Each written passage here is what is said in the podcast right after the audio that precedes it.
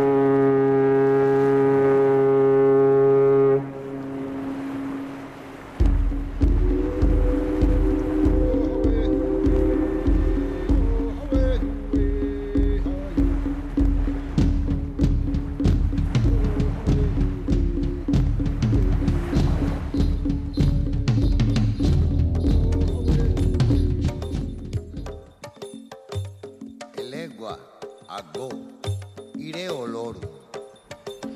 ¿Qué tal estamos? Bienvenidos a Levando Anclas. Emitimos en la sintonía de Radio Euskadi. En esta nueva edición vamos a estar de 10 y media a 12 de la noche. Vamos a recibir a viajeros que nos cuentan historias que traen de sus andanzas trotamundos. Y así, para empezar, vamos a estar con los navarros Equioch Prieto Ochoa y Asier Crespo. Han realizado su segundo viaje solidario a Oaxaca, en México. Pertenecen a un colectivo de amistad con Betty Cariño, activista de los derechos humanos y ecologista que murió asesinada por los paramilitares. Estuvieron Equioch y Asier 40 días en México, convivieron con familias y en casa de amigas y amigas de Betty y además visitaron el desierto de Huiricuta, en San Luis de Potosí, santuario del pueblo Huichol. Presenciaron la ceremonia del peyote, visitaron radios comunitarias y celebraron el 1 de noviembre el Día de los Muertos en México, que bueno, que es un día muy, pero que muy especial. Nos lo cuentan Iquios Prito Ochoa y Asier Crespo. Además, estamos con Xavier Garmendia. Él es capitán de la Marina Mercante, lo suele hacer en petroleros y el amor a la mar le viene de tradición familiar. La mar le tiene totalmente absorbido y enganchado. Lleva a Xavier Garmendia 26 años llevando grandes buques con los que ha cruzado los océanos. Nos contará un poco la forma de vida y todas esas largas travesías que ha realizado, porque ha hecho la línea de Singapur a San Francisco, ha navegado por el Caribe, ha llegado a Australia y Nueva Zelanda, ha temido por la piratería en Nigeria y durante cinco años residió en China. Además de esto, al final de Levando Anclas estaremos con un amigo del programa, como es Enrico Redondo. Digo amigo porque ha estado en varias ocasiones y siempre contándonos historias fantásticas, algunas travesías en bicicleta por Asia, América y África, y en esta ocasión nos va a relatar cómo fue de Cádiz a Guernica pasando por Portugal. Lo ha hecho en bicicleta y como es habitual, ha ido por caminos no transitados y algunos de ellos en desuso. Esto es Levando Anclas. Estamos de 10 y media, a partir de las 10 y media hasta las 12 de la noche.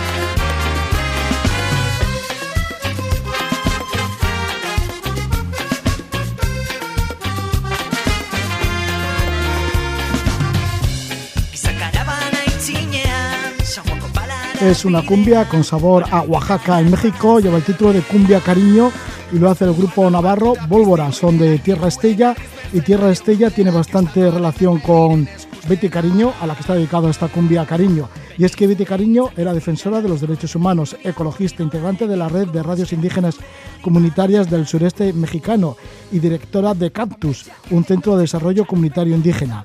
Tuve la suerte de entrevistar a Betty Cariño en el programa La Casa de la Palabra allá por el 3 de febrero de 2009. Esto fue gracias a la ONG Mugari Gabe Nafarroa. Un año después, el 27 de abril de 2010, fue asesinada junto al observador internacional finlandés Jiri Diakaola. Cayeron en una emboscada perpetrada por los paramilitares cuando iban en una caravana humanitaria compuesta por defensores de derechos humanos, por periodistas, maestros e integrantes de diversas organizaciones de Oaxaca. Se dirigían en ese momento hacia San Juan de Copola, que estaba sitiado por los paramilitares. Fueron a romper el cerco de este municipio que se había declarado autónomo y ahí es cuando pues cayó nuestra persona homenajeada en, este, en, esta entrevista, que es Betty Cariño, y también homenajeada en esta canción de Volver a Cumbia, Cariño. Y es que vamos a estar con personas que también la conocieron, la conocieron allí en Lizarra, en Estella, Equios Prieto Ochoa, que le damos la bienvenida. Equioch, Gabón, buenas noches. Epa, Roge y todas las oyentes, Gabón. Gabón, estamos también con Asier Crespo. Gabón, Asier. Gabón, Gabón, Roge. Ambos pertenecéis al colectivo Betiren Lagunac Mantuvisteis una relación bastante estrecha con Alberta Cariño Trujillo, así conocida como Betty Cariño, eh, cuando estuvo ahí en la Farroa. Tal es así que en el 2009 fuisteis a México por nueve meses y estuvisteis con amigos y familiares y activistas. Eh, y ahora habéis regresado de nuevo, ¿no? Bueno, ahora hace unos meses, entre septiembre y noviembre de 2021, regresasteis de nuevo para México, habéis vuelto a Oaxaca, pero antes pasasteis por el desierto de Huiricuta, en San Luis de Potosí, un lugar sagrado para los huicholes ha sido una nueva experiencia por México. Equioch, si no habríais conocido a Betty Cariño, ¿no habríais estado también por sus tierras y por México? Bueno, pues así es, ¿no? Tuvimos la suerte de coincidir con Betty, primero aquí en nuestras tierras. Yo, por casualidades de la vida, al poco iba a viajar a México, pues por un periodo largo y bueno, la conocida Betty aquí ya nos abrió las puertas, pues a sus tierras y a su gente, ¿no? Y ahí, bueno, ahí se formó esa esa relación que hemos ido manteniendo, que fuimos manteniendo hasta que, que la asesinaron, pero luego ha sido un continuo, una continua la relación con, con sus gentes, con sus tierras de, de, idas y venidas, ¿no? Es ahí, has dicho, somos miembros de Betty de Laguna, Betty de Laguna también nació a raíz de los sucesos con Betty y bueno, somos un grupico pequeño aquí en Lizarra que seguimos, bueno, año tras año manteniendo vivo el recuerdo de Betty y haciendo historias para colaborar con tanto con su familia, ¿no? Empezaron a hacer un homenaje anual como con, con los proyectos que siguen desarrollando por allá. Y nada, y este año volvimos y vamos a volver el año pasado, que se hacían 10 años del asesinato de Betty, va a ser una fecha especial, bonita, se va a preparar un homenaje ahí en su comunidad, en su pueblo en Chile de las Flores, pero bueno, llegó toda la pandemia, no pudimos viajar, pero bueno, al final este pasado 2021, finales de año, de octubre, finales de septiembre y noviembre, pudimos estar allá. Fuisteis para allá, pero antes os pasasteis por el desierto, el desierto de, de Huiricuta en San Luis de Potosí. ¿Lo conocías del anterior viaje, Asier? Sí, es un sitio que lo tenemos bastante visitado. Eh, hemos ido varias veces a México. En el 2009 fue la más extensa, pero al final hemos estado mucho tiempo allá y era uno de los sitios que sí queríamos ir un poco. La tranquilidad del sitio, el tener la opción de tener la planta, del peyote, tener la opción de conocer un poco la, cultura y la gente de allá y la gente de Guirarica.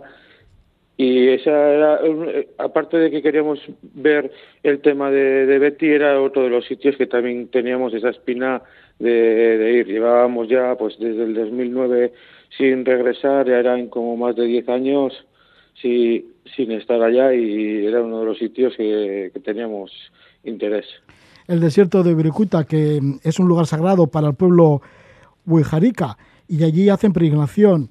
Eh, bueno, el pueblo Huijarica, que es mal conocido como Huicholes. Eso es. Sí, y bueno, ¿y cómo es este lugar sagrado para ellos? ¿Qué os contaron los propios Huijarica del lugar? Ellos es un, pueblo, es de los pocos eh, pueblos que, que le ves que ves mucha mucha identidad, ¿no? Y entonces para, para ellos es, es un sitio sagrado, es una de las pocas zonas naturales donde podemos encontrar una planta así, porque en otros sitios no se da o todo, y es un sitio que es eh, sagrado para ellos, tiene sus, su, su monte por excelencia, el Cerro Quemao, tiene también Bernalejo, otro sitio, o hay como dos o tres sitios muy sagrados para ellos dentro de un territorio muy pequeño. Entonces se da la ocasión de, de, convivir con ellos y de ver eh, ceremonias o cosas así. ¿y habéis estado en alguna ceremonia? ¿Habéis presenciado alguna ceremonia del peyote con ellos? Sí, tuvimos la suerte de, bueno, de coincidir. Es muy bonito también cómo se da, bueno, lo que ellos también hablan, el sincretismo, ¿no? Tenemos también eh, un amigo que, bueno, que ya reside allá, él trabaja en el campo de la antropología, es un viejo conocido nuestro de los otros viajes, sobre todo de Asier, pero se ha afincado ahí y ha estudiado bastante bueno, pues la cultura y la forma de vida de este pueblo y una de las cosas el sincretismo, o sea, las mezclas que hacen con, como puede ser, bueno, eh, las tradiciones aztecas, eh, la tradición católica también, estuvimos y coincidimos con que eran justo fiestas del pueblo ahí donde, donde nos hemos quedar. Ullarrica es, eh, bueno, el pueblo, ¿no? Pero eh, el espacio es un, espacio amplio, el de Wiricuta, son valles, son diferentes pueblos, pero justo en el pueblo donde nosotros nos solemos quedar, Wadley, bueno, eran fiestas y, y fue muy bonito por eso, por la mezcla de expresiones que había y entre otros estaba el pueblo Guyarrica haciendo, haciendo su ceremonia, ¿no? Su ceremonia de, con el abuelo fuego, donde cuidaban durante toda una noche una velada eh, la hoguera, donde se bailaba, donde se también se habla ¿no? del uso de la planta, del peyote, ellos lo usan y una de las cosas que nos compartía Saúl, que igual es de los pueblos originarios de México que más mantienen su identidad y también es gracias a, a la defensa que han hecho bueno de, de la planta del uso mismo y, y, nada, y coincidimos en fiestas del pueblo y pudimos, pudimos estar, sí. Eh, y fue bonito también que había una comunidad azteca bastante potente. Yo también eh, soy danzaria aquí y joder, la danza es un elemento muy central en todas las celebraciones. Y bueno, y pudimos participar también, pudimos danzar con ellos, nos dejaron también el... Esto se da, se da con muchísimo respeto, ¿no? Y el entrar, eh, esto fue, pues estaban en un espacio compartido tanto huillarricas, huicholes como con danzantes aztecas, bueno, estuvimos toda noche con ellos y hubo momentos también en los que pudimos bailar, nos dejaron y va, fue, fue una gozada, la verdad. Sí, ellos toman el jicuri o peyote, ¿no? Que viene a ser un cactus que se recoge ahí en, esta, en este desierto. Y, ¿Y con él qué sirve? ¿Para contactar con los dioses, con las divinidades y con los antepasados? Es una, es una planta, al final estamos hablando de diferentes usos de plantas. Igual aquí en Occidente tenemos otros usos, pero allá tienen también, es una planta que tomándola en unas dosis muy pequeñas eh, te despierta tu sensibilidad. O sea, eh, no es que tengas ahí y ellos lo, utilizan ya después pues para con sus conexiones, con sus seres y con sus cosas. Sí, bueno, pues ahí estuvisteis con la experiencia con vuestros amigos mm. eh, y esto en San Luis de Potosí y luego ya fuisteis para Oaxaca. Sí, eso es.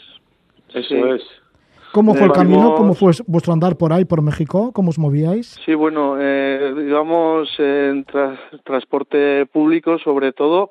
A Oaxaca bajamos también por una zona que no conocíamos, así como como ha explicado Asier, ¿no? En anteriores viajes, eh, bueno, la zona del pueblo Huillarrica, Huiricuta conocíamos y Oaxaca también, teníamos la espinilla de, de, conocer la Huasteca. Y bueno, fuimos por transporte público poco a poco bajando y visitando la Huasteca Potosina y la Huasteca Hidalguense.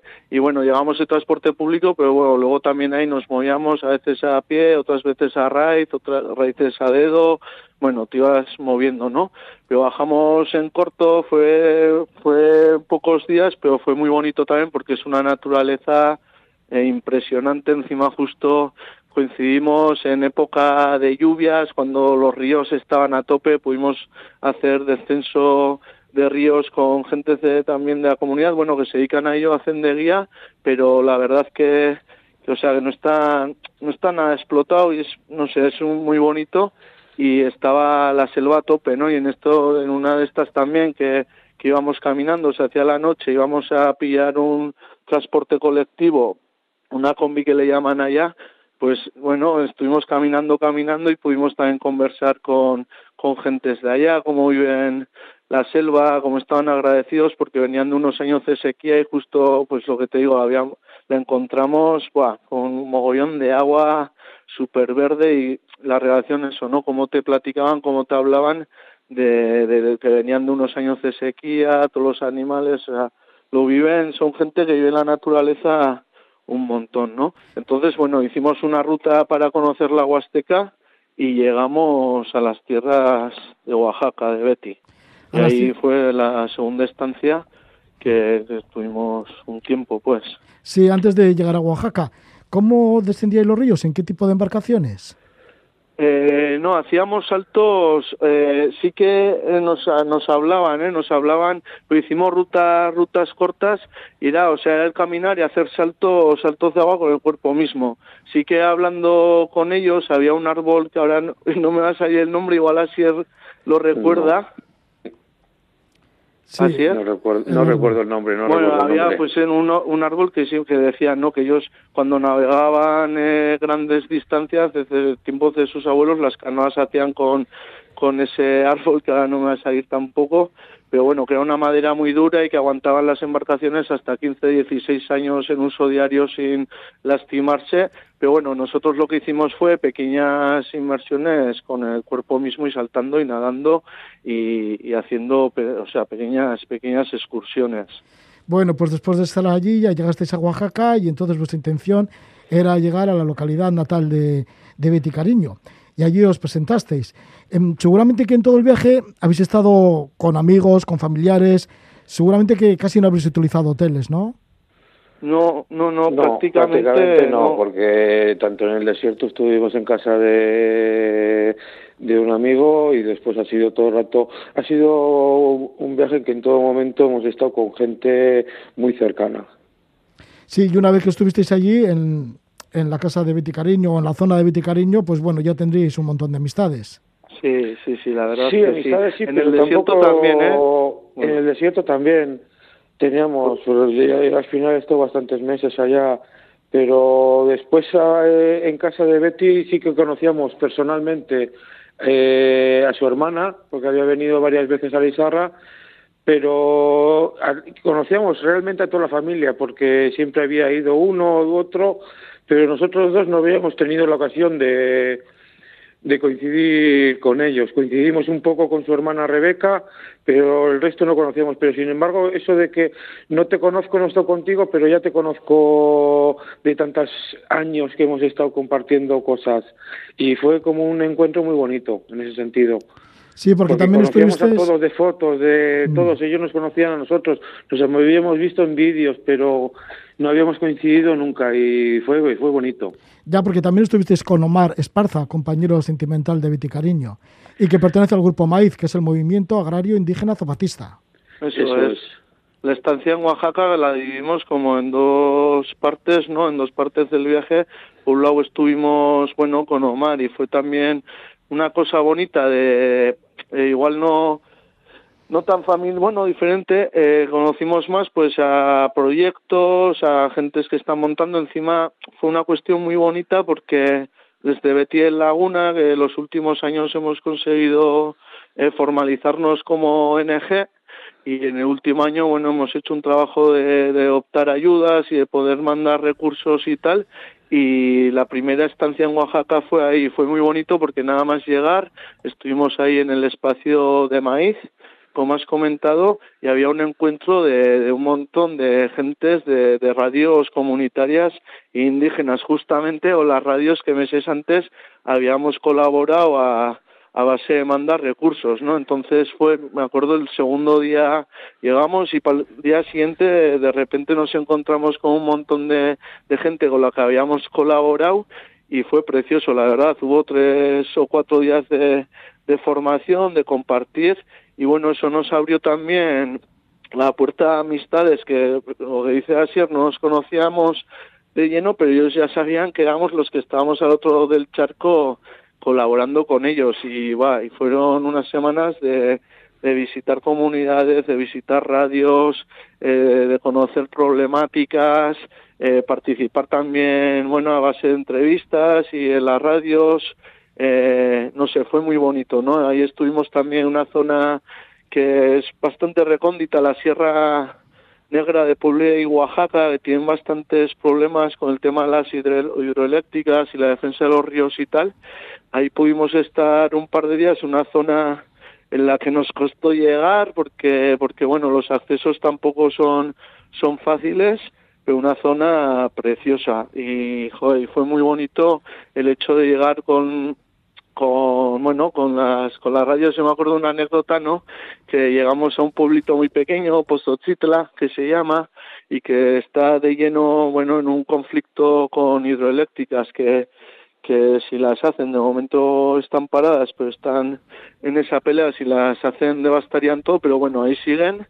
Y joder estuvimos pues nos iban abriendo las puertas de toda la casa no encima o sea no es nada común que que lleguemos güeros, gente blanca, no es nada común que lleguen hasta ahí. Y joder, había una expectativa en la comunidad y, te abrían las puertas de todo. Y fue una, por ejemplo, una anécdota muy bonita, ¿no? Nos daban de cenar en, en una casa y a la mañana siguiente querrían que desayunásemos en otra. Y estando desayunando en otra pusieron la radio y de repente en una radio que estaba una comunidad bastante lejos porque Pozochitla la misma palabra lo indica, es un pozo y una radio que tenía montada en la cumbre, que es una comunidad pues que estaba ahí en la cumbre, ¿no? Y bueno, y empezaron a saludarnos, eh, aquí tenemos a los compañeros vascos, nuestros nombres, imagínate cómo los pronunciaban, pero joder, fue un momento ahí de estar eh, eh, desayunando, ¿no? Con una familia en una palapa, de repente poner la radio y te estaban saludando, no fue, fue, fue, fueron días bien bonitos, la verdad cómo funcionan estas radios comunitarias indígenas y cuál es la importancia de ellas, porque sí, seguramente están en lugares aislados, como el que habéis nombrado. Sí, sí, sí, pues la verdad es que con muy pocos recursos hacen radio. Hacen radio y, encima es una historia, bueno, súper importante para ellos. Para empezar, eh, está todo el tema de, del uso de sus lenguas originarias pero también, eh, no sé, a mil, eh, mil dimensiones, ¿no? A base de formación, de... Claro, son, son eh, ellos tienen montado sus emisoras, sus antenas, pero de normal si no, no llegan, no llegan tampoco otro tipo de radios convencionales. Entonces es el, el, medio de comunicación que ellos tienen y tienen desde, bueno, trabajan contenidos desde más formativos, historia, igual contenidos de fondo, pero hasta los avisos de que eh, esta tarde eh, el regadío va a pasar a tal hora por aquí, por, o sea, es muy muy funcional. Y la verdad que con muy pocos recursos hacen radio. Hay un montón de gente, sobre todo es la gente joven la que la que participa, muchísimas mujeres también. Y, y bueno, y eso. Y ahí van haciendo, estructurando la red de radios y ya te digo, con un ordenador, un emisor y, tres o cuatro antenas, pues, pues la montan, sí. Coincidiste también en vuestro paso por México con el 1 de noviembre, el Día de los Muertos, la gran tradición mexicana de honrar a los antepasados. ¿Cómo lo vivisteis y qué presenciasteis? Es igual a Sier, ¿quieres hablar tú? Sí, así sí, fue, fue bonito porque fue, nos dio, eh, nos dio para hacerlo también en, en Chile porque queríamos también estar con la familia de, Betty y allá pues a las personas asesinadas las ponen el 27 entonces pudimos estar con toda la familia allá el 27 ver un poco todo toda la fiesta que hace en torno al recuerdo y así.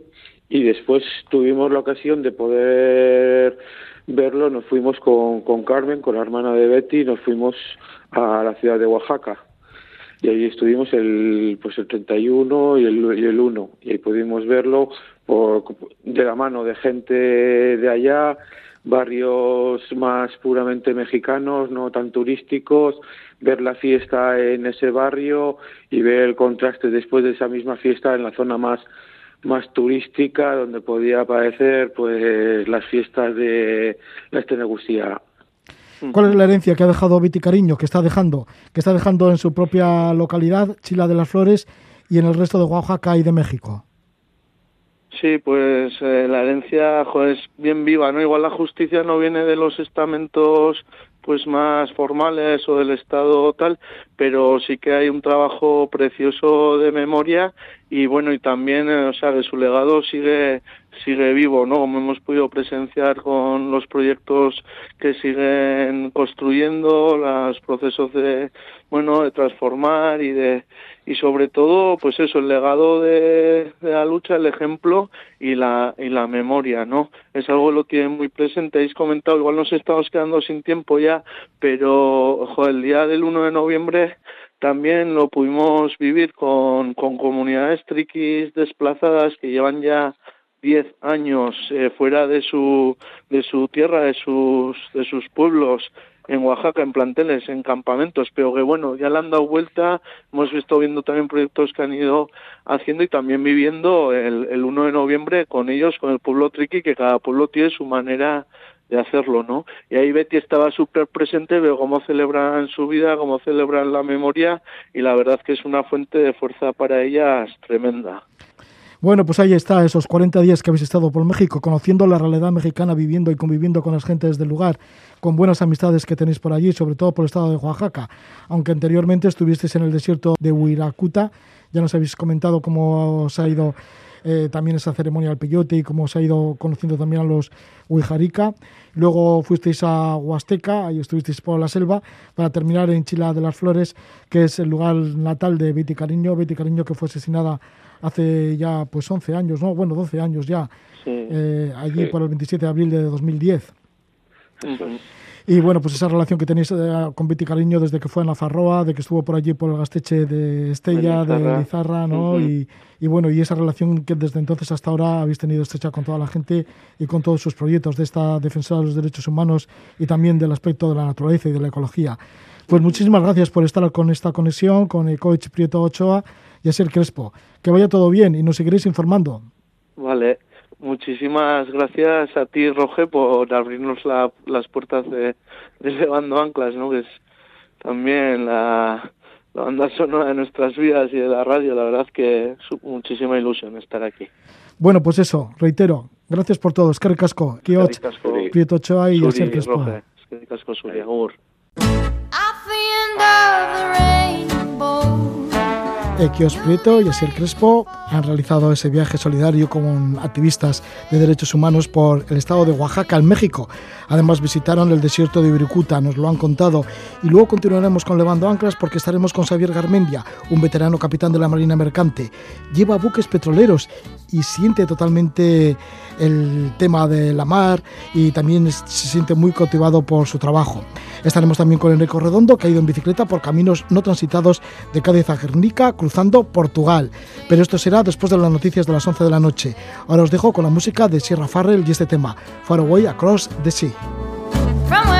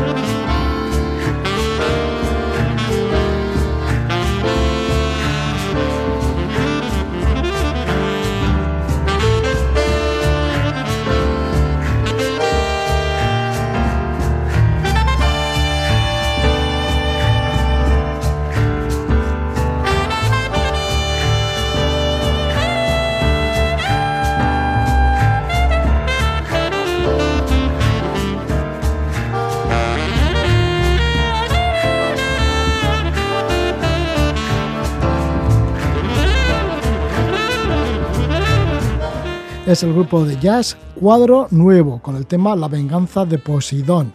Entramos ya en la segunda parte de Levando Anclas. Os agradecemos la escucha a través de la sintonía de Radio Euskadi y a partir de este momento aquí en Levando Anclas pues tenemos un gran marino, a Xavier Garmendia. Él es capitán de la Marina Mercante en Petroleros. Lleva ya muchos años en grandes buques cruzando mares y océanos. Nos va a contar muchas de las vicisitudes que ha tenido en su larga carrera de profesional y continúa en ello llevando barcos como capitán de la Marina Mercante en estos petroleros. Y luego tenemos a Neco Redondo, que ha realizado grandes travesías en bicicleta por Asia, América y África. En esta ocasión nos relata cómo fue de Cádiz a Guernica, pasando por Portugal, y como es habitual, en Eneco pues siempre va por caminos no transitados, algunos de ellos en desuso. Estaremos con el buen amigo de Eneco Redondo, pero ahora estamos con Xavier Garmendia, que por cierto tiene muy buen gusto y en el barco oye mucho la música de Jacob Pastorius o también de Weather Report.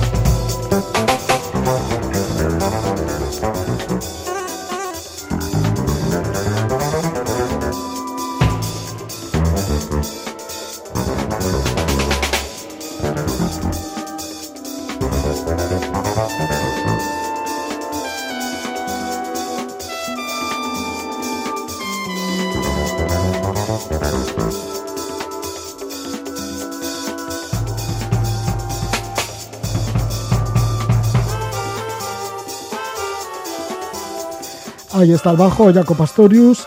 Ahí con su bajo eléctrico tan, tan singular y bueno, tan prestigioso. Luego está Alice Acuña a la batería, Joe Zabinul a los teclados y Wayne Sorter a los saxos. Es Wither Report, lo habéis adivinado. Ahí está Wither Report, este gran grupo de jazz rock de todos los tiempos, ya un clásico. Y el tema es Ten Tones y el, y el disco es Heavy Weather, Fuerte Temporal. un título este de Fuerte Temporal que viene el dedillo para presentaros a nuestro invitado, que es Xavier Garmendia. Por cierto, que Xavier Garmendia ha elegido a Water Report para, para iniciar esta conversación. Esta conversación que tenemos con Xavier Garmendia, que lleva una larga trayectoria como capitán de la Marina Mercante en Petroleros. Ha navegado por todos los océanos en diferentes latitudes, se ha adentrado en el río Mississippi, ha abastecido a pesqueros coreanos en las Malvinas, ha temido por la piratería en las costas de Somalia y Nigeria supervisó la construcción de un petrolero en unos astilleros de Corea del Sur, vivió en China durante cinco años, eh, también ha hecho la línea Singapur-San Francisco y ha navegado hasta Australia y Nueva Zelanda. A pesar de que podía haber sido, que podía estar ya jubilado, hace ya unos cuantos años, pues se encuentra absorbido por la mar y no quiere dejar la profesión de capitán de barco. Xavier Garmendia nació en Lazcao, en Guipúzcoa, en el año 1960. Desde 1996 es capitán de la Marina Mercante, trabaja en buques petroleros. Ahora está en una compañía naviera especializada en remolcadores y petroleros. Hace campañas de tres meses en la mar y otros tres de vacaciones en casa. Y ahora que está en tierra, pues tenemos la suerte de conversar con Xavier Garmendia. Os presentamos a Xavier Garmendia. Gabón, buenas noches, Xavier. Caixo, Gracias por venir de, desde Lazcao para conversar con nosotros y gracias por estar en tus vacaciones durante estos tres meses, porque hacéis eso, ¿no? Es Hacemos tres eh, meses eh, navegando y tres en casa. Sí, y luego esto compensa, quiero decir que ya no es como antes, que igual los tirabais mucho más tiempo.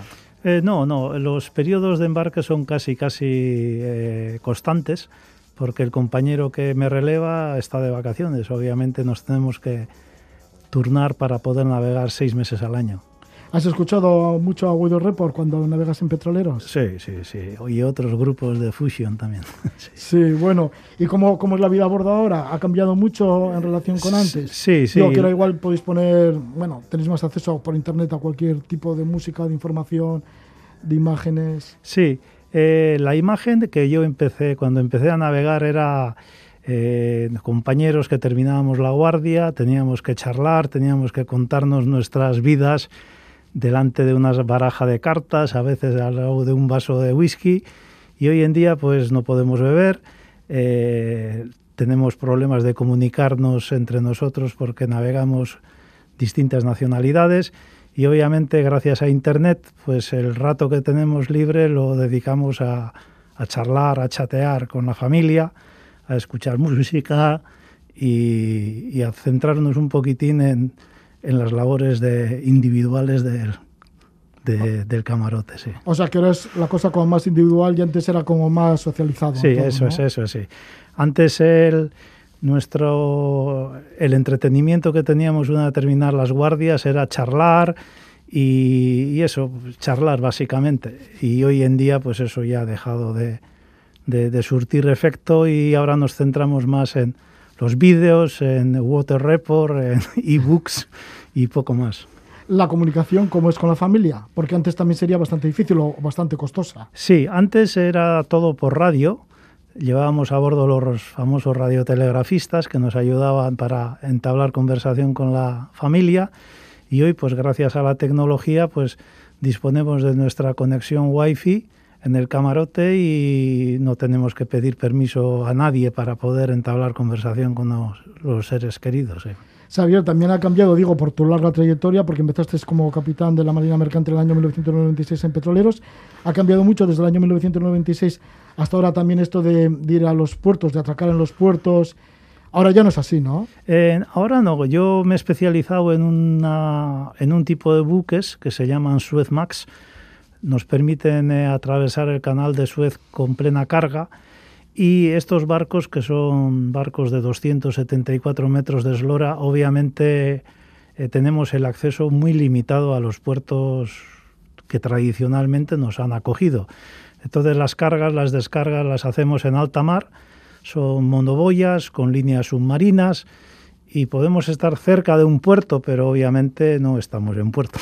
Así que has navegado, como decíamos, por todas las latitudes, por todos los océanos pero sin embargo no has parado mucho en puerto. Eh, no, la verdad es que estos últimos 12, eh, 13 años que estoy un poquitín centrado en este tipo de barcos, la verdad es que las visitas han sido muy efímeras.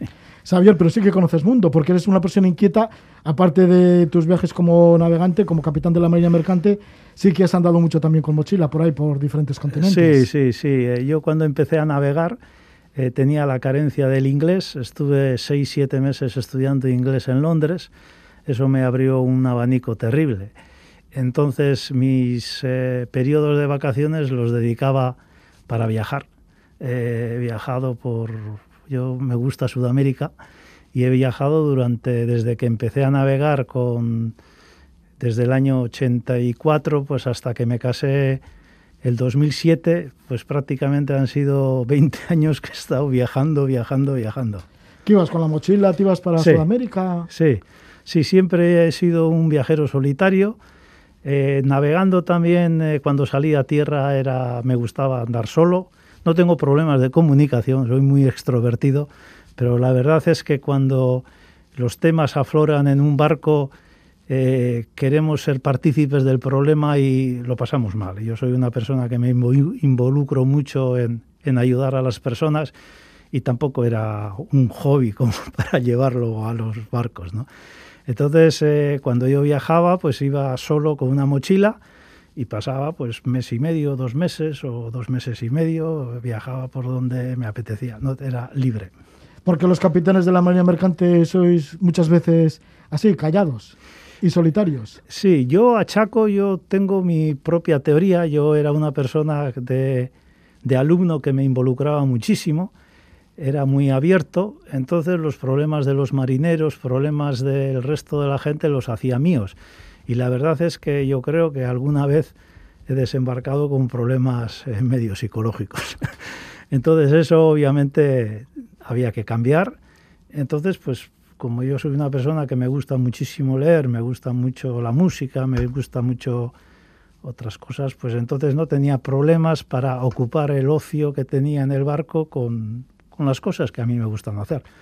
¿Cuál es la responsabilidad, eso que tanto te pesa como capitán en tu profesión? Sí, la responsabilidad de un capitán es, eh, hay que entender que al ser eh, un ente que está tirado un corcho en la mitad del charco, alguien se tiene que hacer cargo de todo. Esa es la figura del capitán. Y yo siempre suelo decir que Un capitán es el que está en la lista de tripulantes, el número uno, significa que ganamos más que el resto de los tripulantes, pero la responsabilidad nuestra es terrible, es eh, todo cae sobre nuestras espaldas. Estamos eh, abocados en cualquier momento a un malentendido, tenemos que tomar unas decisiones eh, personales, económicas, de todo en un momento.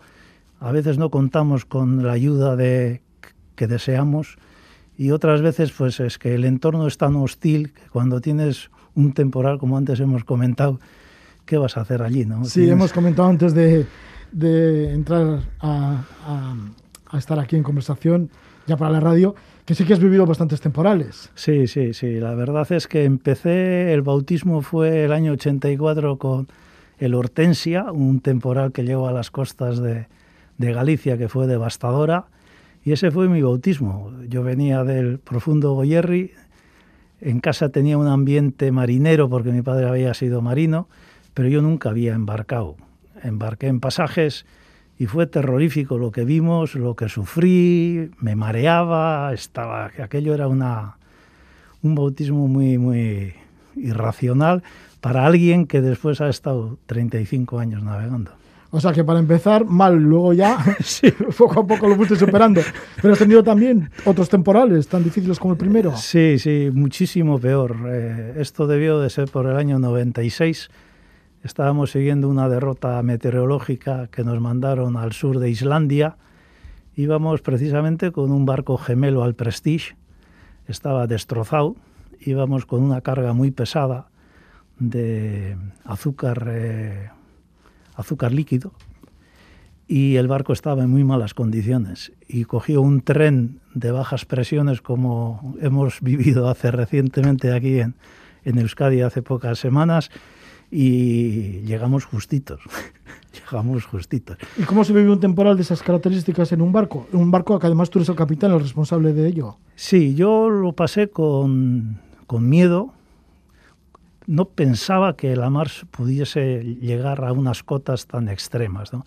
En aquel tiempo yo navegaba con eh, tripulación de siete nacionalidades, la mayoría eran pakistaníes, y los pakistaníes, que ya éramos amigos, me decían que no íbamos a salir de aquel temporal, que, que íbamos a morir. ¿Y, y tú qué pensaste? Pues yo vi dos olas que, yo no he visto en ninguna película unas obras tan grandes. Fíjate las que salen en las películas, ¿eh? Sí, sí, pero aquella fue impresionante. Lo tengo grabado. ¿Pero que tenía 10 metros? Eh, no, yo no, no te voy a decir porque no me gusta exagerar, pero yo sé que era una montaña gigantesca de agua que tuve que maniobrar a la ola, moderé y el jefe de máquinas que era rumano, me dijo que los escapes estaban a una temperatura salvaje y que, que la hélice posiblemente que habitase iba a salir fuera del agua y que en esas condiciones no, no se podía navegar. Pero es que yo lo que estaba subiendo era una montaña, era Chindoki, pero puro y duro. Y luego la bajada fue pues de, por ventura, vamos, aquello y lo que estábamos viendo era si venía la segunda ola, porque la segunda ola posiblemente nos fuese la definitiva. Tuvimos la gran suerte que vino una ola. ¿Y cuando subías y bajabas? Sí. ¿Qué sentías dentro de ti? Pues que podía ser el último momento, porque es que tú imagínate, era un barco de unos 160 metros y cayendo por una montaña rusa a una velocidad y sin ningún tipo de control. Yo había gobernado a la ola, caía a estribor, lo hice bien, pero es que fue algo espectacular. Ya se supone que un barco de 160 metros igual no puede nada con, contra él, ¿no? Pero Eh, sin no. embargo, que es como una cáscara de nuez a veces. Sí, sí, sí, sí. La verdad es que eh, las maniobras que hacemos en el barco son, no son, a veces hay que, eh, son evasivas, ¿no? Pero otras veces no te queda otro remedio que enfrentarte, enfrentarte no haciendo frente, sino maniobrando a un ser tan poderoso como es una masa de agua, ¿no? Entonces eh, tenemos nuestras, bueno, pues nuestras maniobras, pero a veces el- es, aquello es no se puede controlar. Ya, Xavier, y cuando sales de, de una situación de esas, de descontrol, cuando dices, bueno, al final nos hemos Sí. salvado, Sí. ¿Cómo te encuentras? Pues eh, empiezas a analizar lo ¿Siempre que- viene la calma después del temporal? No, no, no, porque luego vienen las responsabilidades, ¿no? Por eso te decía antes que yo soy el número uno en la, en la lista de tripulantes.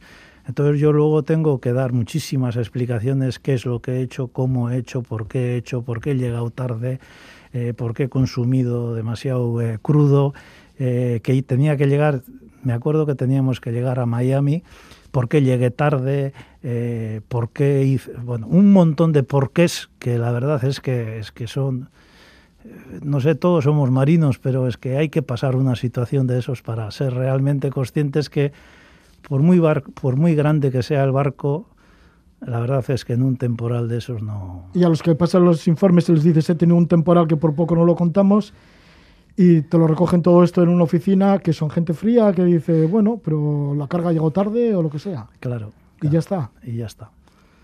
Y aguantar. está, y aguantar. Y además era una derrota, son derrotas que nos diseñan desde tierra.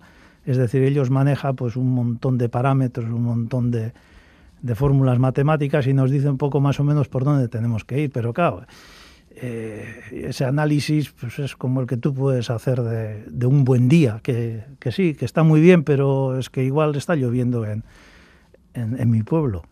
Y, y allí pues era una cosa así. Yo lo que estaba reportando a la compañía, que era estaba en Mónaco, no tenía nada que ver con los partes que yo estaba recibiendo. Era una incongruencia. Me estaban dando que venía el barco, eh, vientos del norte, yo tenía del sur. Me decía que podía salir en bañador y tenía la cubierta congelada. O sea que no. Ya, porque sí que has navegado en todas las latitudes. Ya puede ser muy al norte, Sí, ahí en el Atlántico Norte, como también abajo, abajo sí. en, en- en la parte austral. En la parte austral, los peores Porque temporales. estos temporales que te han tocado, sobre todo en, en el Atlántico Norte. Bueno, y al sur de Malvinas también. Cuando estuvimos dando combustible a la flota, allí los... Sí, la flota pesquera a la pesca coreana. Allí estuvimos durante bastante tiempo y la verdad es que el frío era, era impresionante, vamos, yo no... Era gente, yo estaba navegando con gente muy veterana que venía del mar de Barents, de, dar, de hacer lo mismo. Eran polacos más duros que una roca, pero aquellos también pasaban frío, ¿eh? ¿Qué te decían los polacos? Me decían que no habían estado en, la- en el norte, no habían sufrido tanto como en el sur. Mm, experiencias mm, distintas también, ¿no? Esto de estar dando combustible a unos a barcos pesqueros que están en las Malvinas, ahí en la América más austral. Eh, luego también te has movido mucho en la línea Singapur-San Francisco.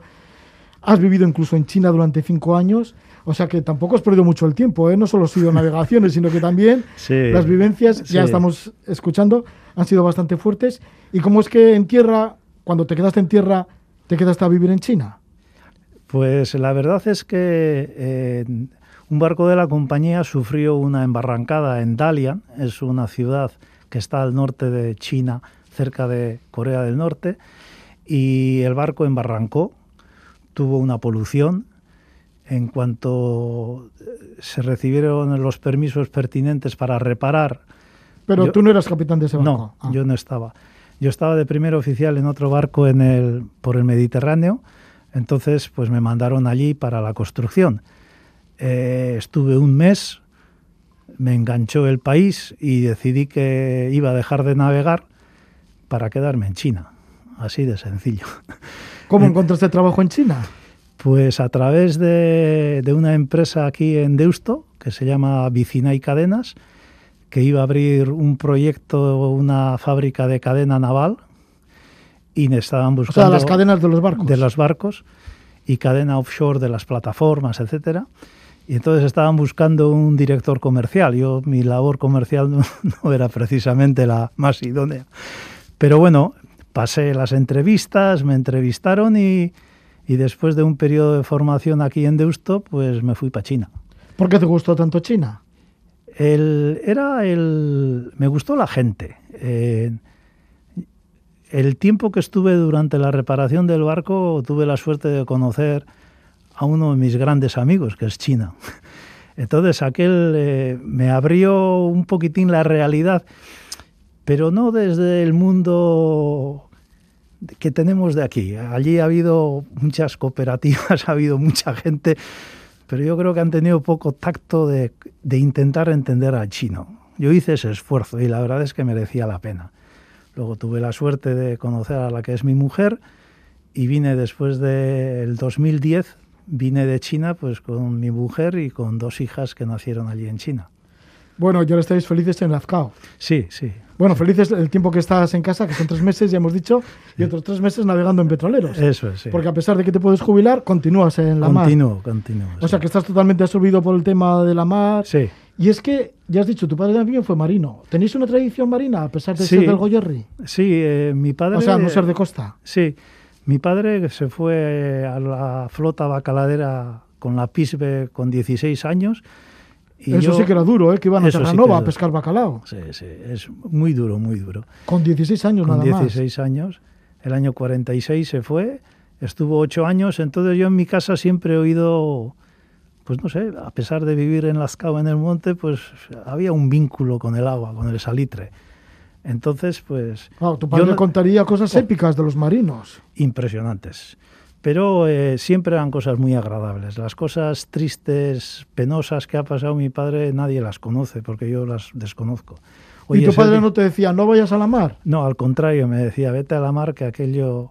Pero vete de capitán, no vayas, no vayas de marinero como he ido yo. O sea, que él soñaba tener un hijo Sí, capitán. Sí, sí. Y bueno, y yo la verdad es que empecé biológicas aquí en la UPV, no me gustó y me matriculé en la Escuela de Náutica de Portugalete y hice los años y, y aquí sigo. Y aquí sigues, porque sigues todavía embarcándote con contratas de, del País Vasco. En- bueno, yo ahora estoy embarcando a través de una compañía de Panamá. Entonces los contratos los recibo de allí, los firmo, los mando y eh, la compañía de embarque está en Panamá. Y hay oficinas todavía aquí, ¿no? En el Eh, sí. Sobre aquí- todo en la zona de Bilbao, Eso es. que ya tiene una tradición larguísima. Sí, larguísimo. Bueno, no sí. te cuento los años 80 lo que era aquello. Era una barbaridad aquello lo que había aquí. Estaban, pues eso estaba, yo creo que lo mejorcito de Europa. Estaba aquí en Bilbao. Había compañías en que, eh, vamos, que dejabas la ficha y te llamaban para poder navegar. Yo estuve casi 20 años con Ibernor, estaba aquí en Bertendona, estaban con Sulmar en Erandio, estaba en Jardines de Albia, estaba Berincua, estaba Candina, qué sé yo, esto era un pupurrí de compañías. Sí, y ahora, para poder seguir como capitán, ¿qué es lo que más se pide? Eh, a las, eh, las compañías de embarque, ¿qué es lo que piden? ¿Qué es lo que os Mm, piden? Bueno, a mí, Profesionalidad. A mí ahora, con los años que tengo y con el background que tengo, pues poquitas cosas, ¿no? A ver si tengo ganas de navegar. Pero para los que Bueno, empiezan... Iván, tú eres una garantía. Tantos Sí, años navegando sí, desde el año sí. 1996 en petroleras y capitán. Sí, pues eso, esa es mi, mi garantía, ese es el que, lo que yo puedo aportar, ¿no? la profesionalidad y mi experiencia. Pero indudablemente la gente que sale de la escuela pues tiene que prepararse a nivel de cursos de contraincendios, supervivencia, primeros auxilios, cursos de petroleros, de bueno, yo tengo una carpeta de 10 centímetros llena de títulos, cursos, cursillos y bueno, esto es la, En cuanto a ser marinero, la tripulación así, que bueno, que, que ya has dicho que son de muchas nacionalidades, ¿qué es lo que más piden las compañías de embarque? El- yo creo que piden la continuidad, es decir... O sea, eh, la fidelidad a la mar. fidelidad, sí, sí. Que no después de una campaña digas, yo a la mar no vuelvo. Ah, eso, eso es. Eso es lo que nos está fallando. Eh, hay gente muy buena, sobre todo de aquí, de bueno, gente de Bilbao, eh, alumnos que han salido de la escuela náutica, que los he tenido como alumnos, que decía yo, estos, estos chavales son unos portentos, pero hacían una campaña y buscaban otra cosa y se quedaban en casa. Xavier, me gustaría preguntarte, fíjate, ya que esto es un programa de aventuras y cosas así, por el tema de la piratería. ¿Has temido la piratería en algunas costas del planeta? Eh, yo he estado eh, en la zona de Somalia, en la zona del Golfo Pérsico, el Mar Rojo, el Estrecho de Adén. Todo eso lo pasamos con guardias, con guardias armados. Eh, contratamos los servicios de, de tres guardias que vienen a darnos apoyo. Hacen, viven con nosotros durante 10-12 días y nos, pues eso, nos protegen en caso de que tengamos cualquier ataque, que por suerte nunca lo he tenido. pero sí hemos visto en las zonas del sur de Adén que estaban intentando atracar, eh, atacar a un, a un barco. Eso es en la zona de Somalia, pero en la zona de Nigeria, que no contamos con la ayuda de estos, eh, de estos guardias de seguridad, ahí la zona está un poquitín más, más caliente. Hay, cada día hay más ataques, los, eh, los secuestros son express, es decir, que lo que quieren los, los piratas es un rendimiento a su esfuerzo, es decir, que roban lo que pueden y se van. No son secuestros de largo tiempo como eran en Somalia y ahí la protección que nos dan son las terminales cuando vamos a cargar. Nos dan una cobertura con lanchas, con patrulleras, con guardias armados del ejército de la, de la Armada nigeriana, que vienen totalmente armados. Pues allí ves eh, armas de fuego y se quedan alrededor nuestro y nos dan esa cobertura. Pero al mismo tiempo están protegiendo indudablemente a la plataforma. ¿eh? Nosotros somos el segundo bien, el primer bien es la plataforma. Sí, porque seguro que a Nigeria vais bastante, Sí, como petroleros. Sí, sí, como sí, petroleros. sí, sí.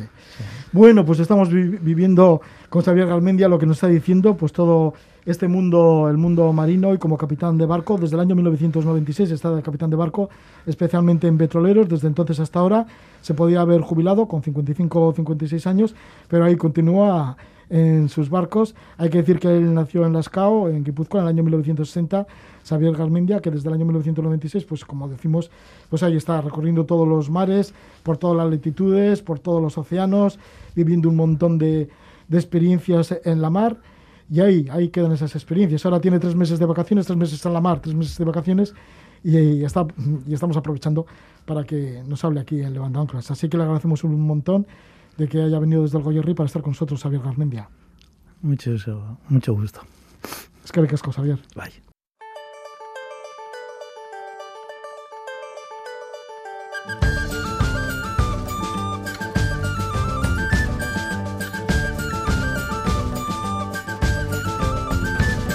Tubarão tinha dentes de tainha e a tainha tinha dentes de tambor.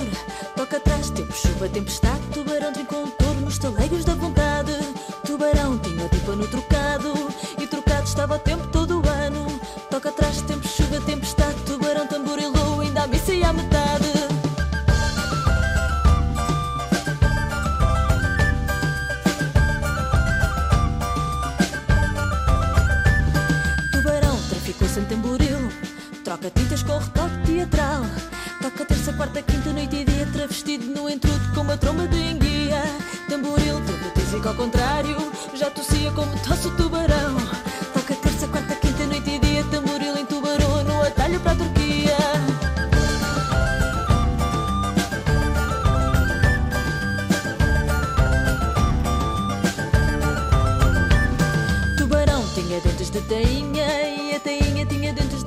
Tema Tamboril, lo hace el grupo portugués Diabo ACT.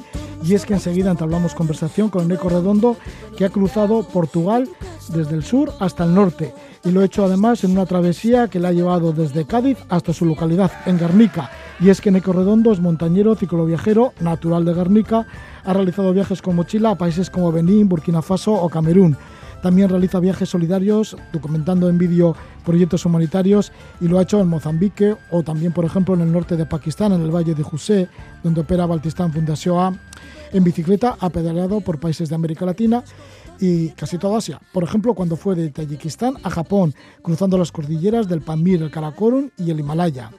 En el año 2019 estuvo en bicicleta por Irán, nos lo contó aquí en este programa Levando Anclas.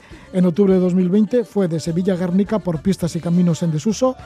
Y un año después, esto ha sido en otoño de 2021, pues ha cruzado de nuevo la península, esta vez de Cádiz a Guernica, como decíamos, cruzando Portugal de sur a norte. Recibimos a Eneco Redondo, Gabón, Eneco. Opa Roge, Gabón, bye. Bueno, encantado de estar contigo porque te hacemos entrevistas desde hace ya muchos años y siempre pues con ideas bastante singulares y en solitario, porque te gusta ir en bicicleta, pero, pero solo, ¿no? Sí. Bueno, cuando te cuadra, porque siempre encuentras muchos amigos en el camino. Sí, la verdad es que solo es como un poco, pues empieza solo, ¿no? El plan lo hace solo, pero realmente luego en el camino siempre te encuentras a mucha gente.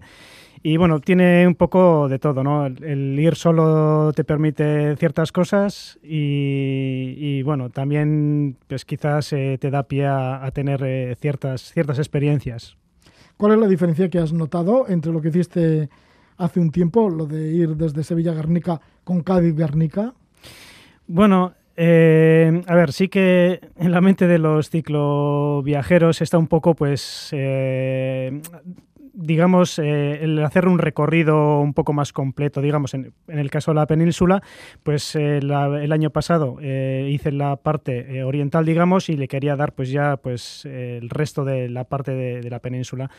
Pero sí es cierto también que dentro de nuestras mentes está siempre el, cambiar de países, de culturas, ¿no? Y la verdad es que en este viaje no lo había pensado desde el principio, pero enseguida se me ocurrió que Portugal estaba allí y que era, bueno, eh, perfecto para, conocerlo de sur a norte y, y, ¿por qué no? Pues cambiar un poco de cultura y de, y de país. ¿Cuáles han sido los trayectos que has utilizado para ir en bicicleta? Porque si anteriormente de Sevilla a Guernica fuiste por eso, por pistas, caminos en desuso, siempre buscando lugares, supongo, ¿no? que te alejen de, lo convencional, de las carreteras. Sí, en, este viaje ha sido un poco lo mismo. Eh, realmente lo que estaba buscando un poco era la, tranquilidad. Eh, cuando me preguntaban eh, por dónde, pues la gente sí que se esperaba que, recorriese la, la costa. Y no, la verdad es que en, mi mente estaba un poco más el conocer el interior, que es un poco más desconocido, y también te alejas un poco de, las zonas más eh, pobladas. Y bueno, otra vez, una vez más, buscando pues pistas o las carreteras más, más pequeñitas y más tranquilas. De todas formas, siempre que te mueves mucho por impulsos. Digo que si de repente dices, ahí va, si aquí hay un pueblo con un nombre que me gusta, o sé que por aquí, yo que sé, pasa un río o una cascada, ahí te vas. Sí, es algo que la verdad es que me, viene así. Voy consultando el mapa o alguien me habla de algún lugar y pues bueno, lo que te decía antes, el ir solo pues no te, te deja cambiar de planes cada día y te deja, eh, no sé, moverte por impulsos. A mí me gusta. ¿Cómo es la vida también en soledad, en plena naturaleza? Porque muchas veces ahí sí que no, estás, aunque quieras, igual no hay nadie. Sí, sobre todo a la hora de acampar ¿no? y pasar las noches, eh, sobre todo en si vas un poco fuera de temporada, como es mi caso, eh, sí que, bueno, es una soledad escogida y es una soledad que me gusta y la verdad es que es una tranquilidad absoluta que normalmente pues siempre busco zonas rurales alejadas, eh, si pueden ser entre montañas, pues mejor para acampar te sientes a gusto, te sientes en familia con tu, tienda de campaña, con tu hornillo, con tu bicicleta. Sí, no sé si es la palabra es armonía, pero sí, sí que te, une mucho a, por lo menos te, conecta, ¿no? Si la gente igual piensa, pues igual vas ahí a un poco a desconectar de, de, la vida rutinaria, ¿no? Realmente lo que siento es que me conecta un poco con la vida, con la naturaleza, yo me siento, es cuando me siento bien. En Eco, ¿y qué te ha aportado? Porque cuando piensas lo que hiciste por la ruta a la seda, subiendo el Pamir, el Karakorum, el Himalaya, llegando hasta Japón, cuando has estado en bicicleta por Cuba o por la Patagonia, por Irán, mm, por la península, mm, te vienen muchas veces eh, flashes de, ay, qué bien me lo pasaba yo en aquel momento. Sí, hombre, por supuesto, yo creo que casi todos, pero yo soy de los que me alimento mucho de los recuerdos y sobre todo de las personas que has conocido en esos viajes. Por supuesto eh, que cuando vas viajando eh, ves alguna cosa que te recuerda a otros países, otros lugares y bueno, pues es algo que no sé, el mirar atrás y ver eh, todo lo que has podido conocer, a las personas que, con las que has podido disfrutar en los momentos, pues para mí es, un tesoro, es, lo que realmente me, aporta en la vida, sí. Elegiste esta vez para esta ruta de Cádiz a Guernica el otoño, el principio del otoño. ¿Es buena, ¿Es buena temporada? Digo, en cuanto a clima y demás, para hacer esta ruta. Yo creo que sí, porque el sur de la península ya de por sí sabemos que en verano es muy calurosa Eh, Portugal, la, zona de Alentejo, que es la, la, zona sur, digamos la que está eh, a la misma altura que Sevilla, por ejemplo, pues en verano yo creo que no es, vamos, no sé si aconsejable, pero sí que hace mucho calor. Yo creo que puede rondar los 40 grados tranquilamente. Entonces, sí, sí creo que otoño puede ser una buena época para la zona sur, pero luego eso tiene la vuelta también, claro. cuando llevas a, llegando al norte, pues como me pasó a mí, ¿no? Que las noches eran ya bajo cero algunas veces y pues bueno, lluvia y eso pues, eh, pues es lo normal, pero la verdad es que últimamente voy teniendo bastante suerte y solo me mojé el último día. ¿Cuántas jornadas has tenido de Cádiz a Garnica y ese último día que te mojaste? Bueno, pues un mes. Ha sido un mes de, de vacaciones, de, de, viaje, y la verdad es que sí que no me, no me mojé antes porque me escapé un poco de, lo que venía, ¿no? que era una borrasca de, de, más de una semana. Entonces, pues bueno, me desvié a tiempo y yo, bueno, según iba por delante veía despejado y por atrás me perseguían las nubes. Saliste de Cádiz, bordeaste el río Guadalquivir, fuiste por la Sierra de Huelva. ¿Cómo fueron estos primeros tramos? Bueno, el primer día, por ejemplo, lo tengo grabado porque mi idea era ir disfrutando de, lo que es eh, todo el, el, río, que va, es una pista que va bordeando todo el río Guadalquivir. Y bueno, me sorprendió, me sorprendió mucho que estuviera lleno de neumáticos, con mucha suciedad. Y bueno, el plan era acampar, pero sí que no contaba con que era época de cosechar el arroz que se cultiva ahí al lado del Guadalquivir y estaban cosechándolo. Entonces había un tejemaneje de camiones para atrás y para adelante y luego estaban quemando los rastrojos, lo que hacía imposible para, para acampar.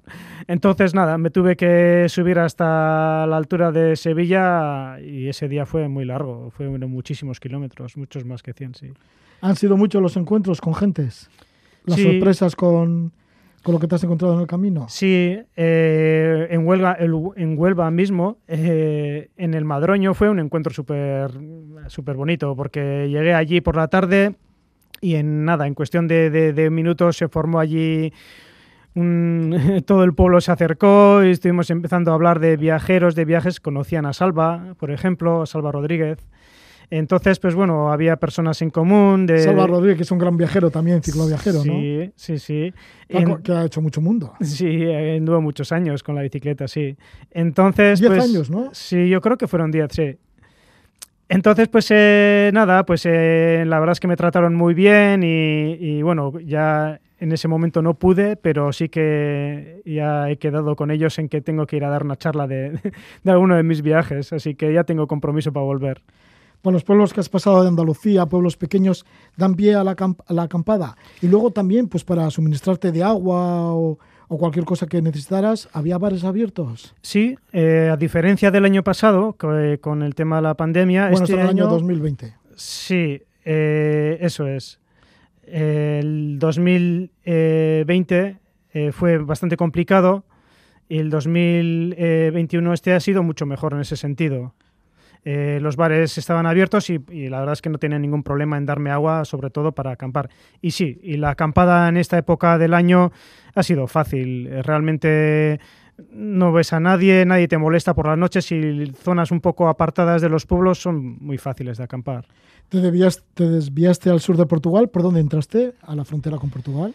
En Sanlúcar de Guadiana, eh, ahí eh, se cruza lo que es el río Guadiana eh, y pasas a eh, Alcutim, que ya es Portugal. Y bueno, a mí me cruzó el Guadiana un señor con una barquichuela, muy amable, con, me pasó la bicicleta eh, y nada, y la verdad es que en un, en un tita estás ya en Portugal y la verdad es que parece que no, pero enseguida notas eh, cambios, sí, sí, sí.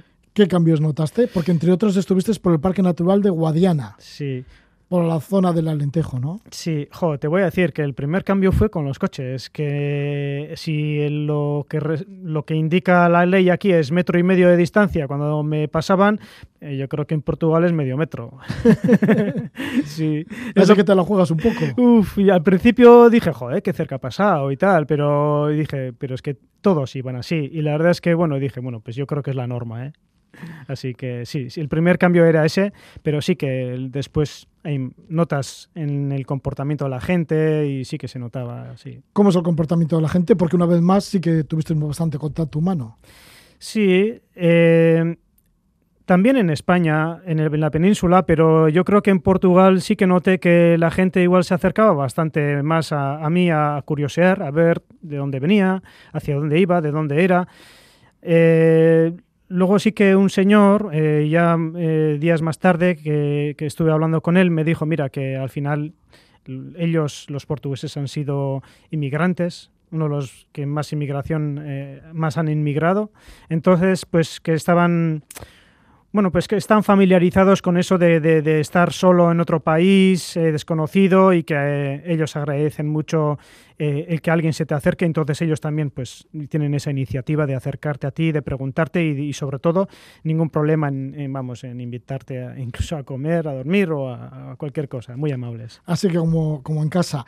Y luego, pues parques naturales, como el Parque Natural de Guadiana, así que también estuviste por zonas de pantanos, de lagos, de playas fluviales.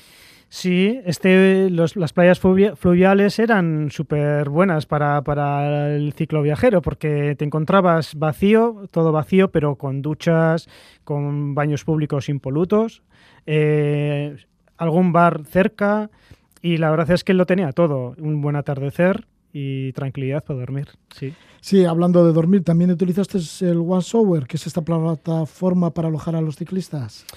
Sí, eh, no soy muy asiduo, pero sí que me suele gustar mirar eh, eh, quién, quién puede estar en el camino, que me pueda acoger, pero sobre todo para conocerlos. No estoy necesitado de, de, tener una casa o, o, vamos, un cobijo, o sea, y comida y eso, como siempre llevo también para varios días, pues no suelo tener problema. Pero en este caso fue una sorpresa conocer a Valerie y Joao Fonseca, que acogen a ciclistas porque ellos también pues en el 98 hicieron un gran viaje por Asia. Entonces, pues bueno, fue una bonita ocasión para conocer a Valerie y a sus dos hijos.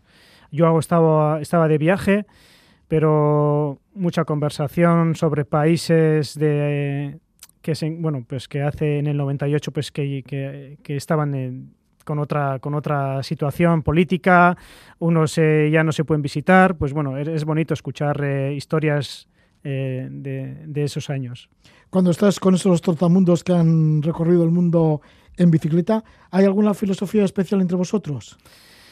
Yo creo que sí, yo creo que sobre todo existe la curiosidad, ¿no? De, qué es lo que uno ha vivido, el otro, de intercambiar eh, vivencias, experiencias, información, aunque no sea muy útil igual, por ejemplo, ahora, pero la verdad es que existe esa esas ganas de, saber eh, qué es lo que ha conocido y sobre todo una envidia sana. ¿eh? yo por, por, por, mi parte, pues eh, la verdad es que me hubiera gustado eh, conocer pues aquello que me contaba Valerie.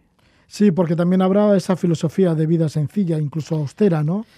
Sí, la verdad es que para mí un ejemplo. Esto va por, por gustos, pero para mí, por ejemplo, pues era un ejemplo. Le, el vivir eh, de, esa manera, el hacer ese tipo de viajes, yo creo que, que lo que te hace es, eh, te, no sé, vives de una manera muy austera, pero que de ninguna manera es pobre o en ningún, de ninguna manera. No te falta realmente nada, sino que lo que tienes es lo que necesitas simplemente.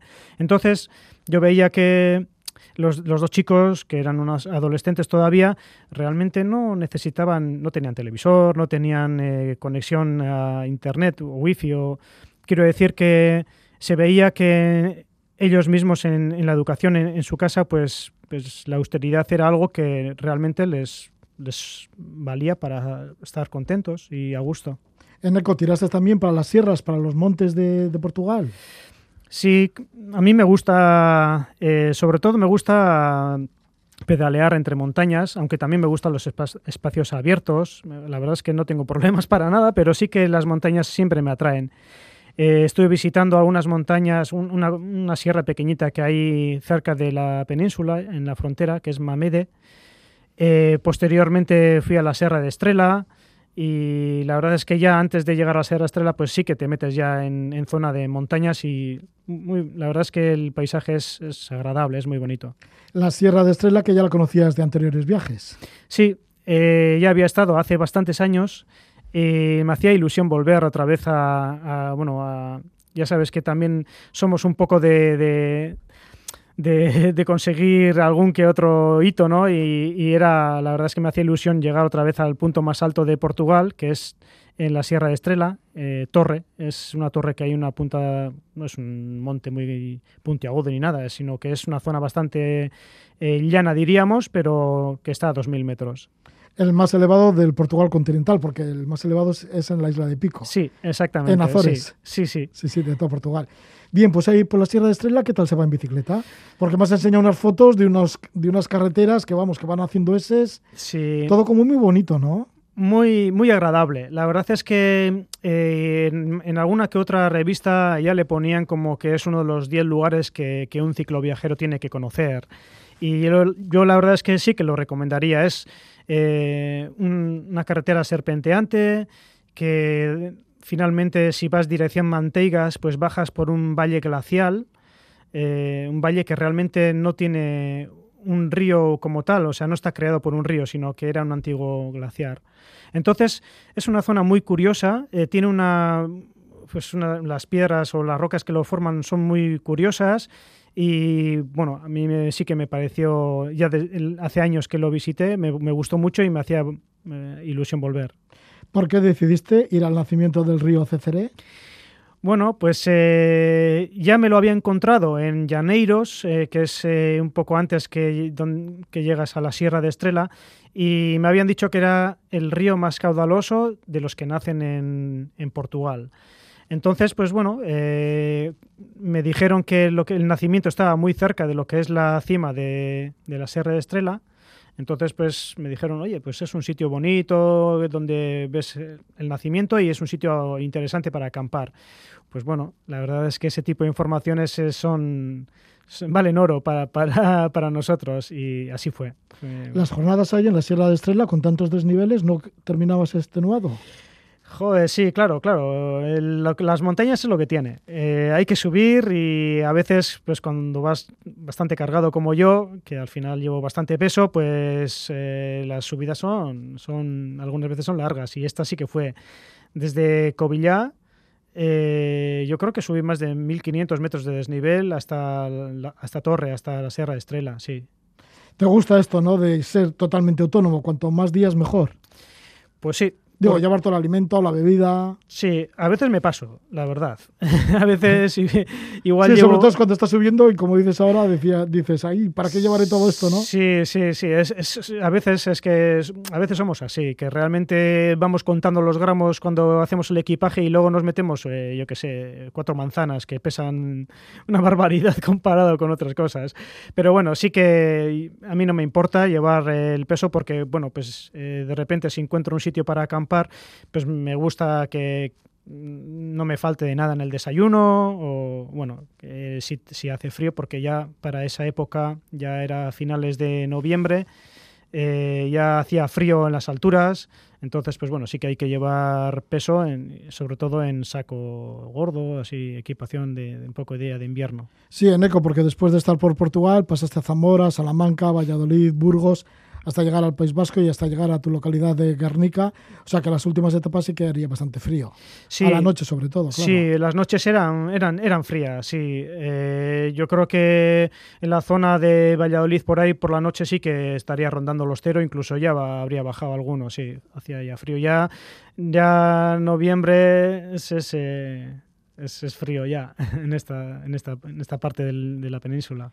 Saliste de Cádiz pues en octubre, muy contentito, ahí con mucho calor y tal, y luego sí que según iban pasando los, los días y, la ruta hacia el norte, pues ya cada vez vino más el frío.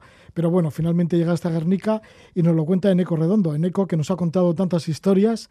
Fíjate, aquellos viajes que hacías por la ruta de la seda y bueno, viajes a otros países africanos, Irán y los últimos pues han sido de Sevilla a Guernica y este de Cádiz a Guernica. Así que te agradecemos un montón que nos hayas venido a contar en Eco Redondo. Hasta siempre. Y hasta, una próxima. Pues sí, eh, la verdad es que siempre a gusto aquí pues para, y dispuesto a contar historias eh, a pedales.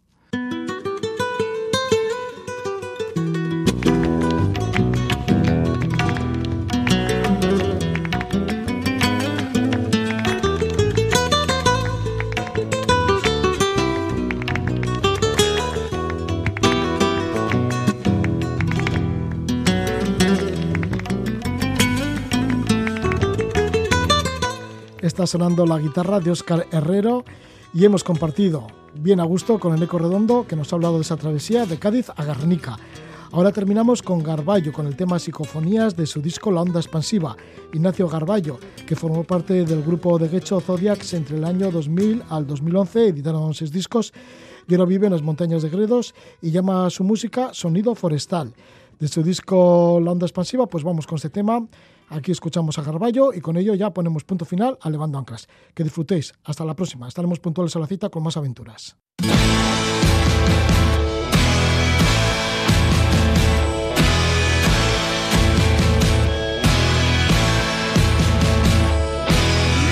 aquella casa donde tú y yo pasamos tanto tiempo. Parece mentira, pero se derrumbó y ahora todo.